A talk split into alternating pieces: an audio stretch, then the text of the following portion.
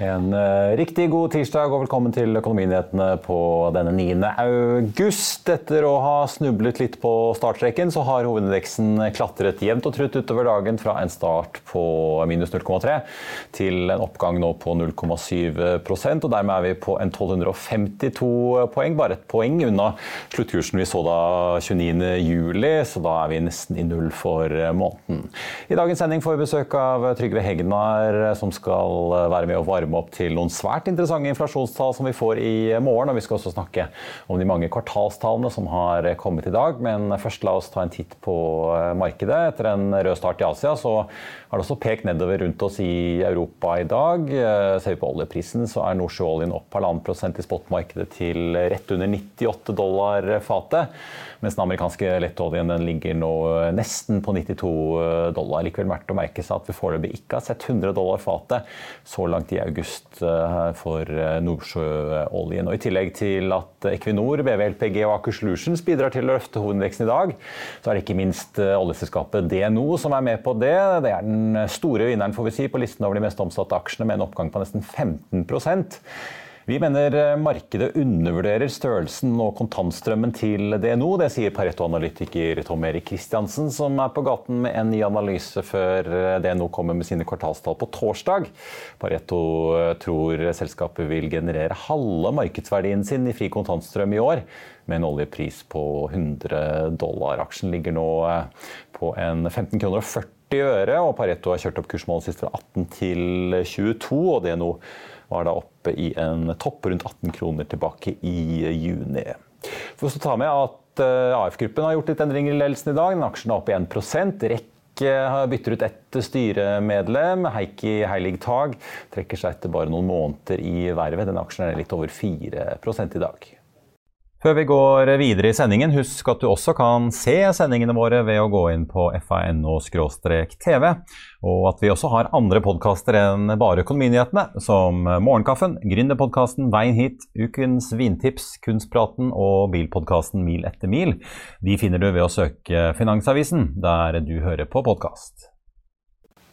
Det renner fortsatt inn kvartalstall eh, nå etter sommerferien, og det har vært en ganske sur dag for mange som har sluppet eh, tallene sine. Men vi får begynne med unntaket. Avilco Drilling er opp 6 i dag. Det er, jo, det er jo da ingen virksomhet igjen i Avilco etter salget av riggene Will Hunter og Will Phoenix, som nå er gjennomført.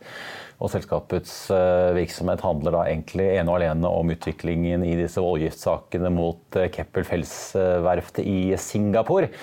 Avilko gikk 5 millioner dollar i minus i andre kvartal og har 10,5 millioner dollar på bok. Så er det verdt å merke seg at selskapet skriver litt ned i rapporten at de kan trenge påfyll eh, av likvider da innen oktober måned hvis disse voldgiftssakene ikke går raskere enn eh, den tidsplanen som eh, har lagt til grunn så langt. Vi går videre til noen som har virksomhet, nemlig Hexagon Composite Spin-off Hexagon Purus. De slapp eh, sine tall i dag, og aksjen suste ned over 6% fra start på Oslo Børs i dag. Nå ligger den ned litt over 2 I meldingen kommer det bl.a. frem at den planlagte overføringen fra Euronext Growth til hovedlisten på Oslo Børs er utsatt til andre halvår. Administrerende direktør Morten Holum sier sitat at eh, fordi det har vært tøffe kapitalmarkeder, har vi valgt å utsette dette. Selskapet skriver også at de merker inflasjonen eh, og prisøkninger på komponenter, som de mener de skal klare å hente igjen ved å øke prisene sine ut til kundene. Omsetningen den doblet seg fra samme periode i fjor, fra 94 til eh, litt over 200 millioner eh, kroner. Og selskapet har da et mål om å komme opp i en omsetning på hele 5 milliarder i 2025. Ser vi på bunnlinjen, så ble den forverret fra et underskudd på 83 til 124 millioner kroner. Og så kom jo da Hexagon Composites, eh, morselskapet får vi si, eh, med sine Q2-tall på torsdag. En annen aksje som faller mye i dag, Kongsberg Automotive ned 8,5% Inntektene stiger, men resultatene er dempet av kostnadsøkninger, så de merker også inflasjonen. De beholder eh, guidingen sin for det justerte resultatet i år og melder om eh, litt mer positive utsikter for høsten. Men eh, de demper da guidingen sin på inntektssiden, bl.a. pga. et salg av virksomheten Shawinigan i Canada, som selges for litt over 100 millioner euro. Et annet selskap som har kommet med tall i dag, er Magnora. De er ned over 6% altså dette gamle Svan Marin, som nå satser på fornybar, bl.a. med havvind i Skottland. Nå skal jeg ha dagens aksjetips, og kollega Ulrik Slettvold Lien har sett nærmere på en norsk produkttankaksje og en internasjonal biotech-aksje. Bare se her. Rhythm Pharmaceuticals har steget 350% den siste måneden, og Goldman Sachs mener at oppturen er langt fra over. Det er tirsdag, og dette er dagens aksjetips fra et utvalg av meglerhus. Rhythm Pharmaceuticals har vært en børsvinner i år, med en oppgang på hele 350% bare den siste måneden. Oppgangen har primært blitt drevet av at selskapet har hatt gode testresultater på en medisin mot fedme. Analytiker Connie Jennings i eh, Goldman Sachs oppjusterer kursmålet til 28 dollar per aksje. Med dagens kurs tilsvarer dette en oppside på 40% Analytiker Brian Fitzgerald i Wells Fargo mener at Pinterest er et klokt kjøp for den langsiktige investor. Han oppjusterer kursmålet til 34 dollar per aksje og anbefaler samtidig kjøp. Analytikeren påpeker at kortsiktige kostnader forventes å øke, samtidig som han tror at eh, markedsøkonomiske utfordringer vil holde inntektene på et nivå som ikke er tilfredsstillende. Han mener dog at aksjen er et godt kjøp dersom du er langsiktig. Analytiker Jørgen Lian oppjusterer kursmålet i Klavenes Combination Carriers fra 84 til 109 kroner per aksje. Med dagens kurs ser han dermed en oppside på 60% vi har et positivt syn på produkttankmarkedet og finner selskapet eh, godt posisjonert til å dra fordel av dette, ettersom den geografiske mismatchen i etterspørsel og produksjon kombinert med et stramt tilbud har eh, støttet høyere spotrater, skriver DNB Markets ifølge TDN. Vi må også innom et riksselskap til som slapp tallene sine i dag.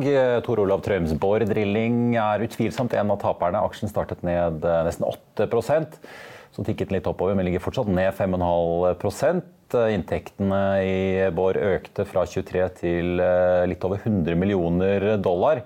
Men eh, bunnlinjen endte også med et saftig minus, ned fra minus 114 til minus 165 millioner dollar. En stor del av underskuddet Millions of people have lost weight with personalized plans from Noom, like Evan, who can't stand salads and still lost 50 pounds. Salads, generally, for most people, are the easy button, right? For me, that wasn't an option. I never really was a salad guy. That's just not who I am. But Noom worked for me. Get your personalized plan today at Noom.com. Real Noom user compensated to provide their story. In four weeks, the typical Noom user can expect to lose one to two pounds per week. Individual results may vary.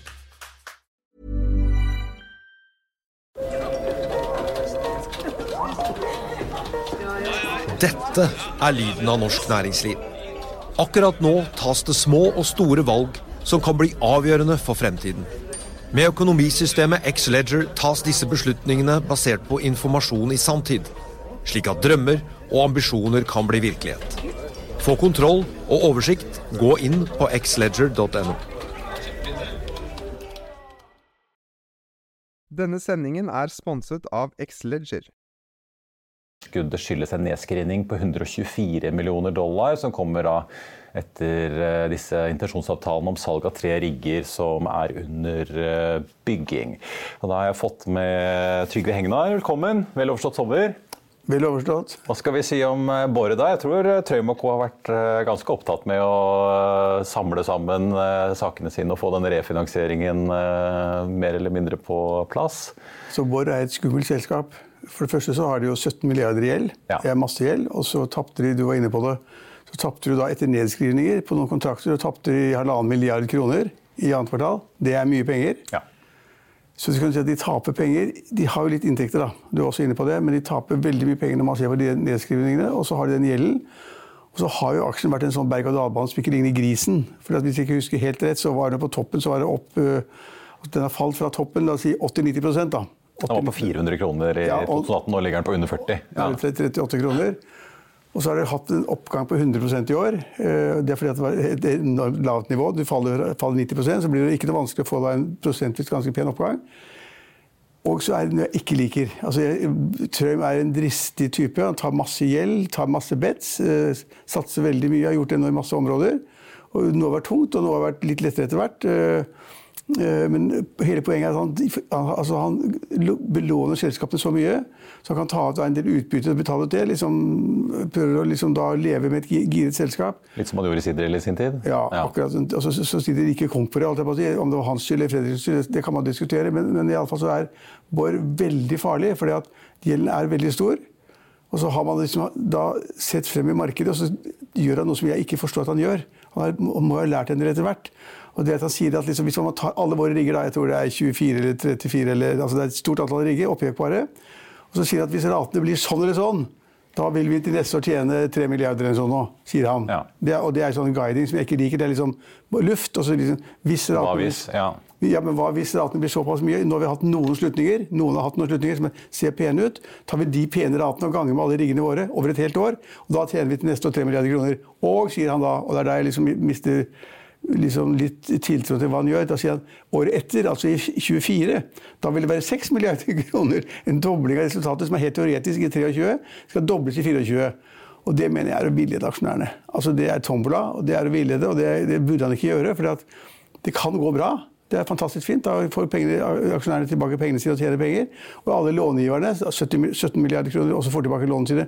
Men det kan like godt gå den gale veien. Altså, ingen kjenner oljeprisen i. Vi vet ikke markedet for offshoresektoren. Og vi vet ikke riggmarkedet om ett eller to år frem i tid. Og det å si, jeg har aldri opplevd maken, det å si at jeg regner med å tjene 3 milliarder neste år, og seks år etter, det er spekulativt. Men det, er jo, ja, det blir jo litt enten-eller med den belåningen. Da, for du får jo, Hvis det blir høye rater og gode tider og litt skvis eh, etter hvert, hvis oljeselskapene jekker opp aktiviteten enda mer, så, så, blir det jo en voldsom avkastning på den egenkapitalen som da er belånt. Absolutt. Ja. Den er liten egenkapital. Det, det som er det risken, at liksom det ser litt pent ut. Det kan gå veldig bra hvis det går bra. Men gjelden skal betales. Selskapet skal refinansieres. De skal ha penger til å motta disse riggene på løpende bånd. Og Jeg husker ikke om de har all den finansieringen i orden, men jeg tror de jobber med det. da. Men, men... De fikk jo en utstillelse av bankene gitt at de får på plass emisjonen. Nettopp. Ja. Mm. Så, så, så, det er superspekulativt, og det er superskummel guiding. Uh, og det går nesten ikke an å gå så langt som de gjør nå. At, og, jeg, og, jeg, er ikke imponert når folk sier at den, er, den har gått 100 i, i siste året. Nei, nei, men den falt 90 da. Ja. Hvem vil være en aksje som faller 80-90 Du har sett noe lignende Disse seismikkaksjene har også gått veldig på spekulasjoner ja. om at nå eh, endelig etter korona så blir det ja, gode tider i olje igjen. Ja, men altså Procef var langt nede, PGS var langt nede osv. I offshoresektoren har vi hatt Husk på siden 2014, altså da oljeprisen falt, så har vi liksom hatt et sånn grå tid, en, en dårlig fall, i, i, syv år, da, la oss kalle det det. Og så endelig kom markedet, fordi at man liksom, verden tenkte at det produseres ikke nok olje, det produseres ikke nok gass. Verden snur, energisektoren er det eneste riktige.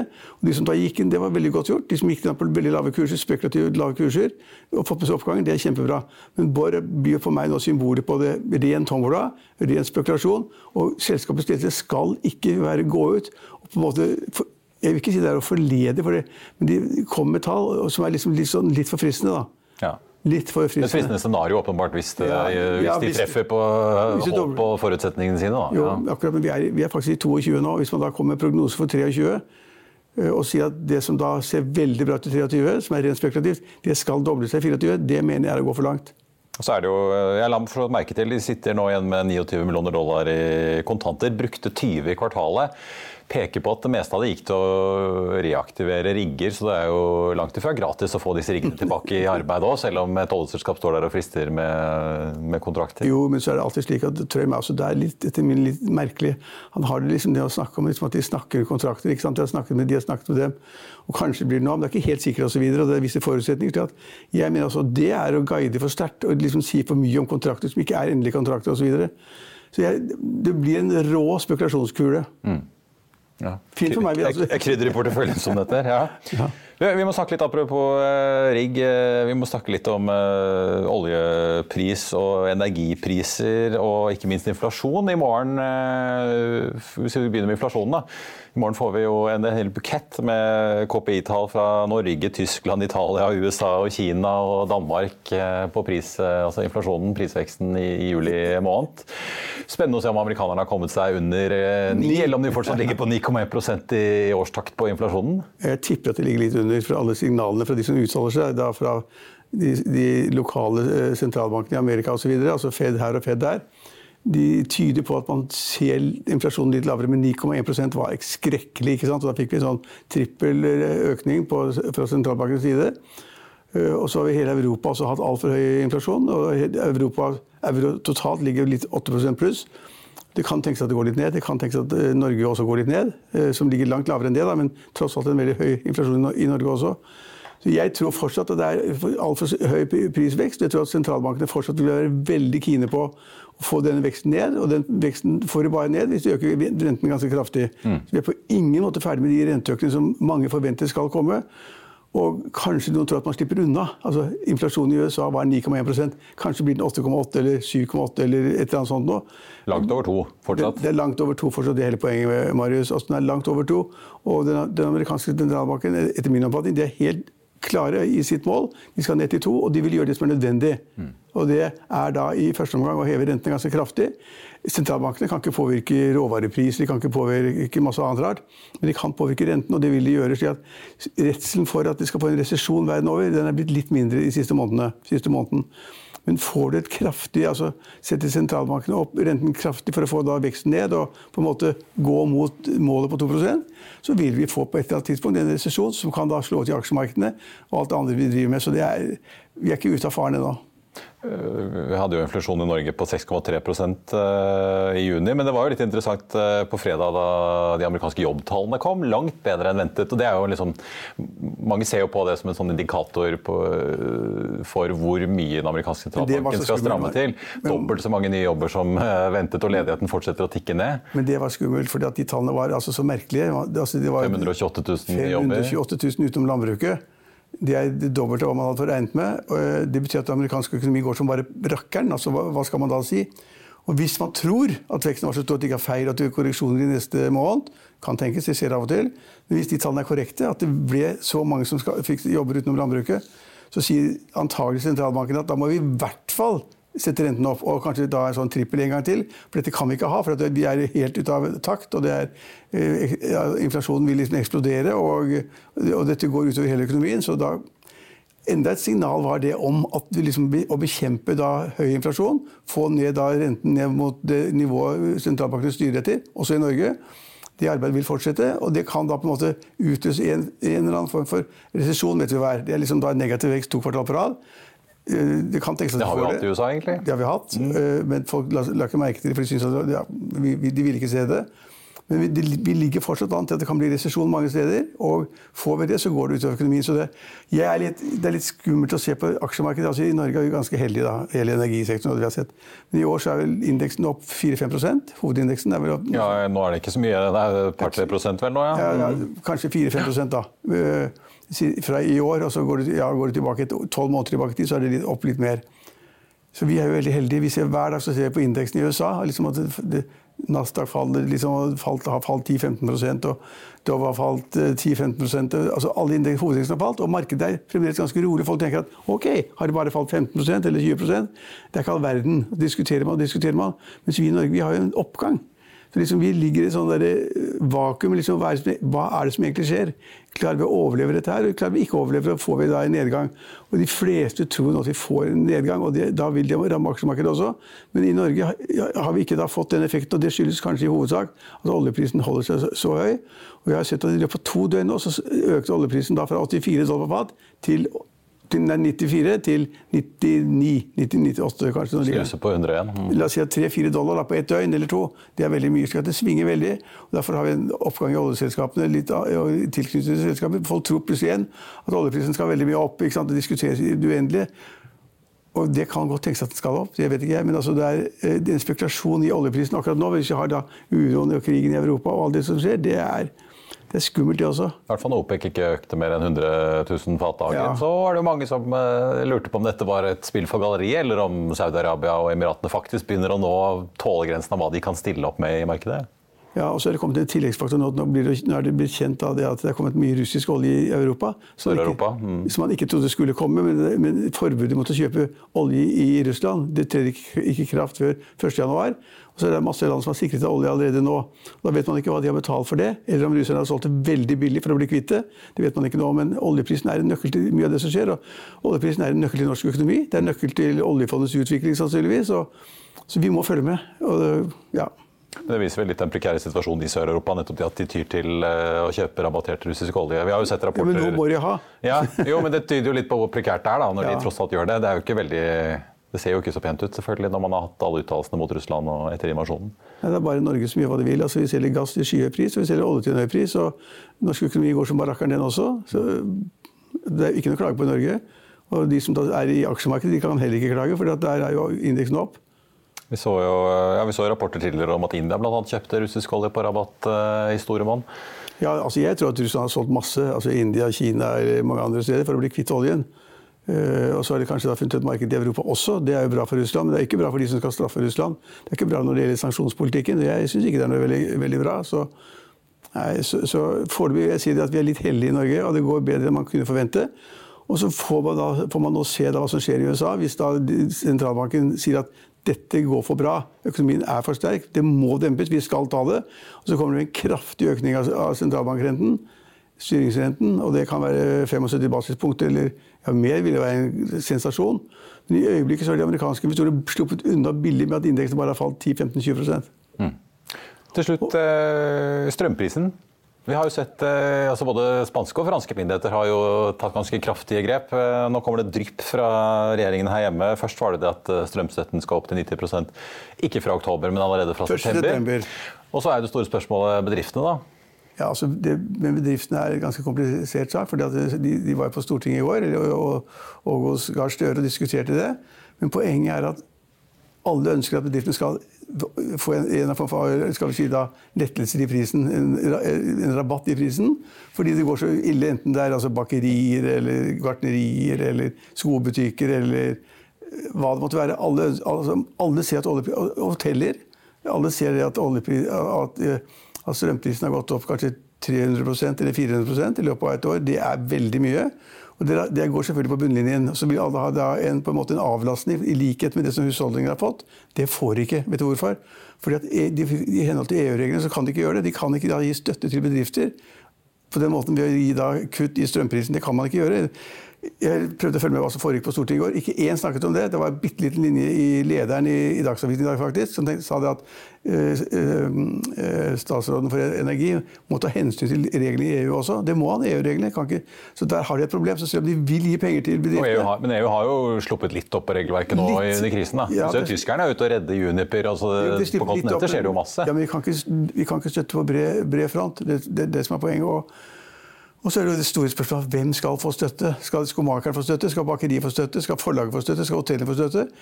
Skal de store som bruker masse energi til veldig lave priser, fordi de har lange kontrakter, skal de få støtte? Altså, å finne frem til de bedriftene som skal få strømstøtte, det blir kjempevanskelig. Og så er det at Nå er jo situasjonen nesten så at man nesten ikke kan tro det. I morgen i Sør-Norge så vil da strømprisen være fire kroner. Litt over fire kroner. Det er langt over. Det er. Det er langt over den der prisen som staten skal støtte på, som er 70 øre per kWt. 70 øre. I morgen er den 4 kroner. Og hva er den i Nord-Norge i morgen, Marius? Jeg, jeg, vet ikke, men det har jo pleid å ligge på 2-3. 12 øre. Ja, ikke sant? 12 øre, altså 12 øre betaler da man for strømmen i Nord-Norge til de som da har bedrifter som er der. Skal de da få strømstøtte? Skal de da på en måte holdes utenfor i og med at de har så lav strømpris i, i utgangspunktet? Og skal de som da er i Syd-Norge, som kanskje skal betale 4 kroner per kWt, hva med dem? Og så er det også da slik at Fire kroner i morgen, det er ganske mye. Hvordan vil det bli i vinter når det blir kaldt og folk skal da fyre? og liksom, Da må det bli mer enn fire-fem kroner. Hvis man følger med i Europa, så har da strømprisen ligget på 3-4 kroner i lang tid. Så Norge ligger langt langt under, og likevel skal de altså, husholdningene få en støtte basert på 70 øre. Og vi har jo høye strømregninger selv med støtte. Altså, det er bare å se i nettbanken på hva som går ut til uh, Elvia eller Lede ja, eller Hafslund eller hva det heter. Altså, det blir mer. Ja. Det blir dyrere. Det blir dyrere, og da kan man tenke hva, hva skal da skje? Så folk har begynt å hamstre ved. Det var en som sa til meg at eh, nå har jeg kjøpt 30 sekker oppe på, i Hemsedal, og prisen var så høy at nå vil jeg gjerne være med i ditt vedselskap, Trygve. Du, du, kan lage et sånt vedselskap, kappeselskap. Snakker dere grunnrenteskatt på, på vedhogst til de som selger sånt? Ja. Så folk skjønner at det er et eller annet som skjer, og prisen blir veldig høy. Og det er ingen grunn til å tro at den skal falle. Gassprisen faller kanskje litt, men den faller ikke mye. Oljeprisen vet vi hvordan det er. Eh, så det at husholdningene i Norge skal betale ganske mye, det er sikkert. Men ved at man nå øker den, det man skal dekke til 90% over 70 øre per 1. september, betyr i realiteten at vi har fått en maksimalpris. Mm. Altså, de kunne sagt 100 ikke sant? Da er, det, da er det maksimalpris. da. Men ingen vil ta maksimalpris i sin munn. for det, Noen vil ha det, noen vil ikke ha det. og noen er redde for det. Et lite insentiv for å holde igjen må man ha. Ja, ja så, så, men, men, i realiteten ved å sette den støtten på 90 av alt over 70 øre per 1. september, så har man nesten fått maksimalpris i Norge. og Det betyr at da vil jo ikke folk spare så mye strøm som de burde gjøre. De vil ikke tette vinduene og de vil ikke liksom gjøre de, allting de skal. De vil ikke kjøpe varmepumper. De, for det er jo på en måte den prisen er relativt billig inntil de får regningene ute på vinteren og får sjokk. Ja. Det kommer til å være mye høyere enn i dag. Men tror du ikke folk fortsatt sparer altså De får jo mye høyere regninger selv med støtte? Ja, ja. De får mye høyere regninger. Og da er de nødt til å begynne å spare. Men vi har jo på en måte, vi har, vi har sett et tak på prisen.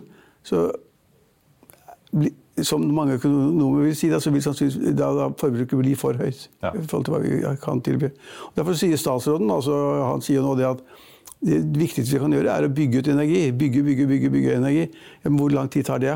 Altså, de bygger nye vindparker på landet litt til sjøs. Solparker. Det tar evigheter. Det tar fem-ti år. Så det er liksom så uendelig langt frem.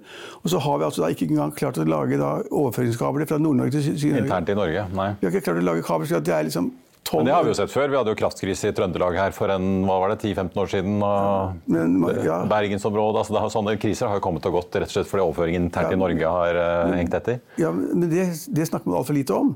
De som da er ansvarlige for at man ikke har fått overføringskabler fra eh, Nord-Norge til Sør-Norge, det er jo helt vanvittig. Monstermast, vet du. Folk vil ikke ha det. Nei, men så har, man da, så har noen funnet ut at, man da, at svenskene kjøper kraft i Nord-Norge til 12 øre. Så tar de og frakter det sydover til oss, så skal vi betale 4 kroner Ja. i, i Syd-Norge.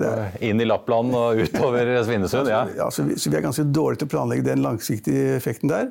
Så man burde kunne forestå at de som driver med det, vi, de virker med det, vi er journalister, men de som da driver med det, i, enten i departementet eller i, i direktoratet eller hvor som helst, de burde sett det for lenge siden, og det er en katastrofe. Og hvis du sier liksom da, hvor lang tid tar det da å lage en ny overføringskabel fra Nord-Norge til Sør-Norge, hvor lang tid tar det? Ti år? Sju år? Seks år? I hvert fall fem. Ja. Det er iallfall ikke noe, ikke noe å si på den kommende vinter. Det er helt sikkert. At det blir krise, og det blir mye større krise enn det de har tro på Stortinget fremdeles. Så det er ikke bra. Forberede seg på at det blir dyrt. Jeg merket for øvrig at uh, Terje Aasland skrev i redegjørelsen sin til Stortinget at uh, rasjonering ikke blir aktuelt til vinteren, men til våren i så fall, hvis det må til. Ja. Og at husholdningene skal skjermes. Men uh, norske bedrifter kan jo kanskje måtte forberede seg på rasjonering til våren hvis ikke vi får en snørik vinter med, med masse snø som kan fylle Som, magasinene. smelter, som smelter i, i april-mai, da, ikke sant? Da kan det fylle opp. Men det ser veldig dårlig ut. og det er klart at Dette er jo elendig for regjeringen. De har ikke, ikke håndtert det riktig. Og de har ikke gode planer heller. Og, og, og, statsråden sa jo det at liksom, vi skal gjøre noe for bedriften, men hva, det vet vi ikke helt. Vi skal lage en plan, vi skal jobbe hardt med det den kommende uka eller 14 dagene. Men hva blir det? De blir så, hvis de får en støtte til bedriften, da, og de lager et eller annet, så blir det så mange unntak, så mange næringer som ikke kommer inn under det, at det vil bli bråk uansett. Bråk i LO, bråk i NHO, og de vet nesten ikke hva de skal gjøre. Så de har kjørt opp et hjørne som jeg, ja, det er jo nesten komisk. Nesten komisk. Utvilsomt en Og, og, dyrt, og det kommer til å merke det på pungen, og det kommer til å, når du får regning som du var inne på i sted. Snart kommer det krav om lønnsøkning, vet du, Trygve. Ja. Vi må ha sånn ja, ekstraordinær strømstøtte hvis vi jobber her i Finansavisen. Blir det krav om lønnsøkning pga. strømprisen, så sier jeg nei. Ja, ok. Ja. Vi får beskjed om å spare. På tappen av sendingen så tenkte jeg vi skulle titte litt på eh, markedet nå eh, ja, når det er en halvannen time igjen av børsdagen, i hvert fall på Oslo Børs. Hovedindeksen nå på 1251 poeng, et par poeng da etter sluttkursen eh, 29.07, opp eh, 0,6 prosent. Fortsatt en fin økning i oljeprisen til eh, to og ja, 92 dollar blank omtrent på den amerikanske VTI-en. Brent-oljen, altså nordsjøoljen, opp halvannen prosent eh, og snuser nå nesten på 98 dollar per eh, fat. På listen over de mest omsatte aksjene. Equinor på topp med en oppgang på 2,2. Aker BP opp 2,7. Eh, Så får vi jo merke oss også da DNO. Som kom med tall på torsdag, men som suser opp da etter Paretos oppgradering eh, av aksjen. Den ligger nå opp eh, 14 Rex Silicon eh, også på topplisten i dag, eh, like foran eh, Tomra. Rekker ned 4,1 eh, og da har jo da kommet nyhet om at eh, dette ene styremedlemmet trekker seg fra selskapet da bare noen måneder etter eh, generalforsamlingen som eh, var da like før sommeren i våres. Så får vi også ta med at den store taperen i dag, sånn rent prosentmessig, er Otello.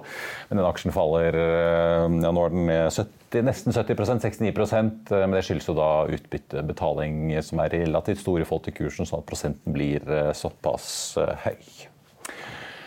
I Finansavisen i morgen kan du lese Trygves leder om kvotering i alle selskaper.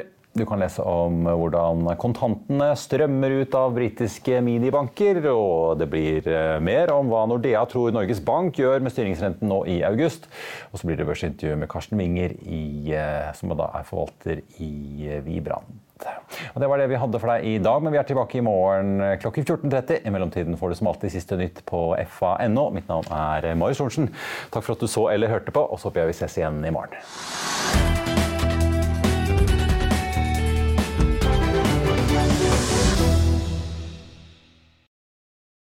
Denne sendingen er sponset av Xleger.